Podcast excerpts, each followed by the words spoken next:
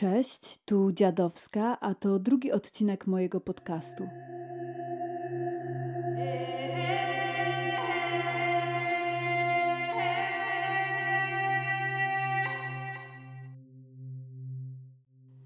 Dzisiaj chciałabym opowiedzieć Wam trochę o tym, jak często sami uprzykrzamy sobie życie niepotrzebnym drążeniem w praktycznie każdym jego aspekcie.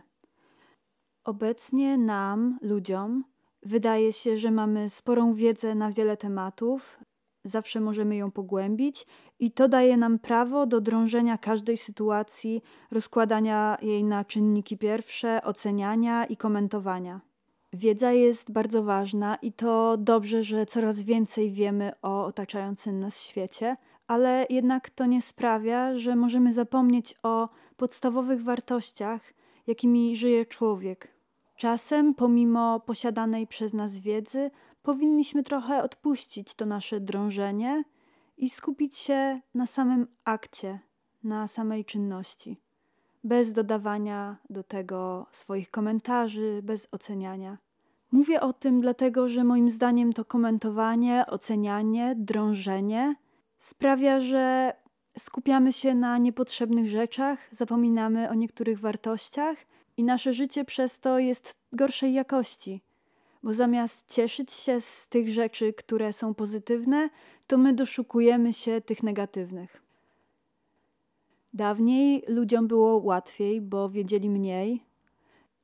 Wiele rzeczy tłumaczyli sobie Bogiem, bogami, siłą przyrody. Wiedzieli, że jeśli tak się dzieje, to w jakimś celu i ich wiedza nie pozwalała im na głębokie drążenie i zastanawianie się, dlaczego tak jest, ale ta głęboka wiara w Boga czy w bogów pozwalała im zaakceptować tę sytuację, pogodzić się z nią, dostosować się do niej i czerpać z tego jak najwięcej, jak najwięcej dobra. Nam teraz jest trudno tak głęboko wierzyć w Boga, w bogów czy w coś innego. Bardziej wierzymy w tą wiedzę, a że wiedza cały czas się rozwija, to drążymy, rozwijamy to wszystko, chcemy wiedzieć więcej i więcej, ale przez to czasem się gubimy w tym wszystkim. Nie daje nam to aż tak dużej radości. Nie mam tu na myśli tego, żeby zrezygnować z pogłębiania wiedzy, żeby zacząć żyć tak jak ludzie dawniej i wszystko oddawać Bogu, ale czasami wystarczy chociaż trochę odpuścić i będzie lepiej nam i osobom w naszym otoczeniu. Dawniej, na przykład, kiedy zmarł ktoś bliski, tłumaczono to wolą Bożą. Bóg tak chciał, tak miało być, to jest jakiś plan Boży. Oczywiście wszyscy się smucili, żyli przez jakiś czas w żałobie, ale jakoś łatwiej było im się z tym pogodzić, bo wiedzieli, że jest to częścią jakiegoś większego planu i po prostu tak miało być. Żyli bardziej pokornie, przyjmowali to, co się dzieje.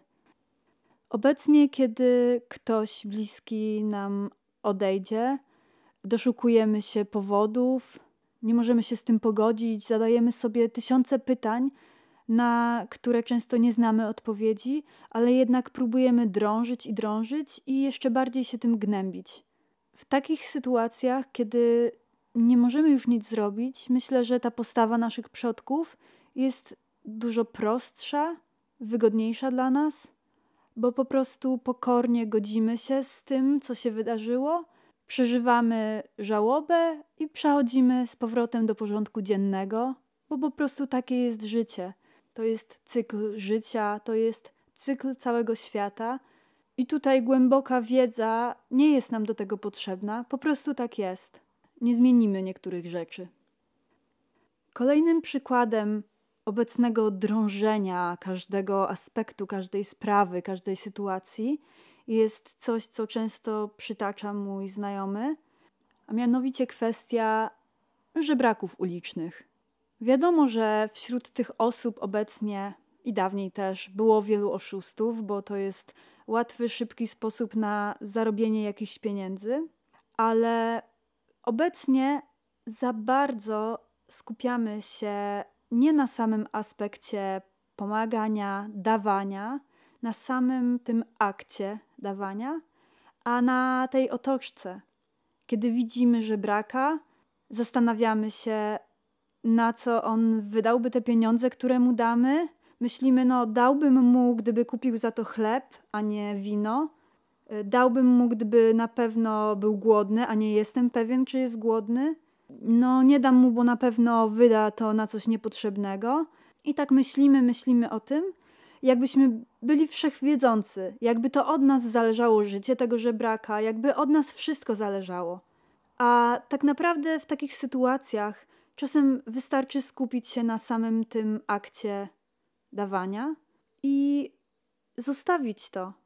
Kiedy dajemy komuś prezent, nie powinniśmy nawet oczekiwać dziękuję, a co dopiero jeszcze zastanawiać się, co on zrobi z tym prezentem, jak on go wykorzysta, czy wykorzysta go dobrze, czy wykorzysta go po naszej myśli. Jeśli mamy takie podejście do tego, to myślę, że w ogóle nie powinniśmy dawać.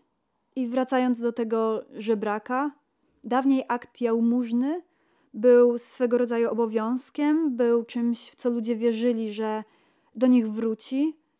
Jeśli dadzą jakiemuś żebrakowi pieniądze, to popełnią dobry uczynek i właśnie to się liczy.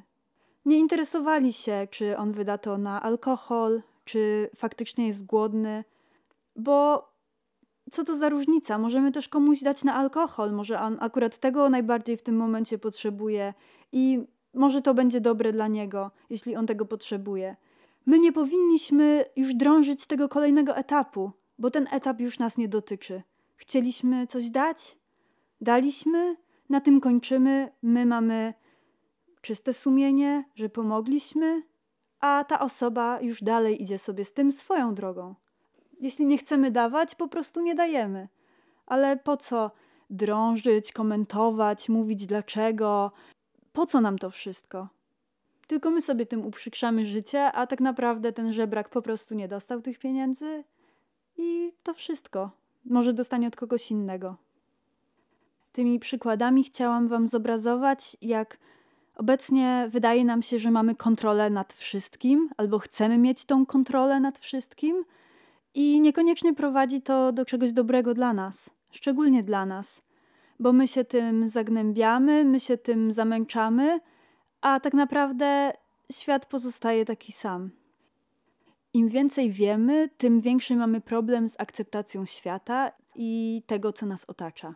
Chcielibyśmy wszystko zmienić, chcielibyśmy, żeby było inaczej, a kiedy nasi przodkowie nie mieli tak ogromnej wiedzy na ten temat, po prostu akceptowali świat, jakim jest i z tego, jakim był, czerpali to, co najlepsze dla siebie.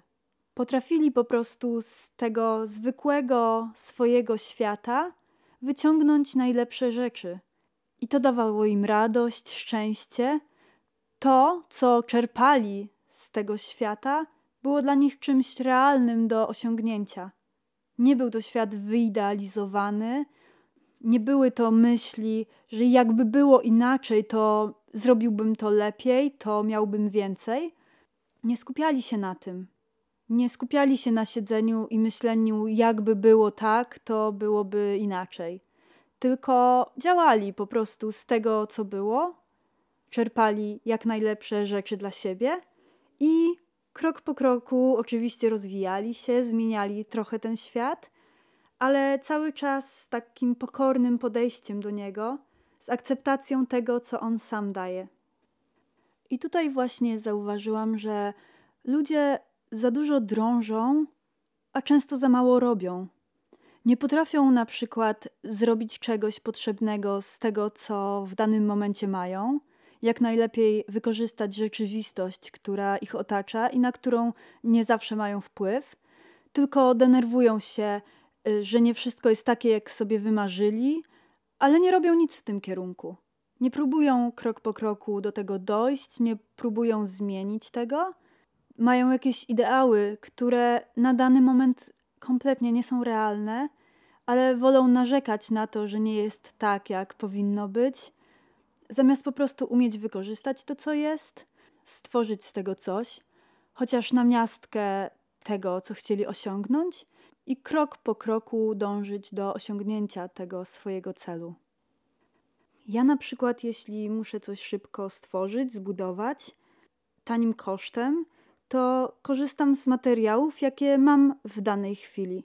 Nie czekam na to, aż zarobię, aż może kiedyś zarobię, aż coś się zmieni samo, tylko planuję jak najlepiej wykorzystać to, co mam w danej chwili, a później, kiedy sytuacja się zmieni, kiedy już to się rozwinie, będę mogła to ulepszyć.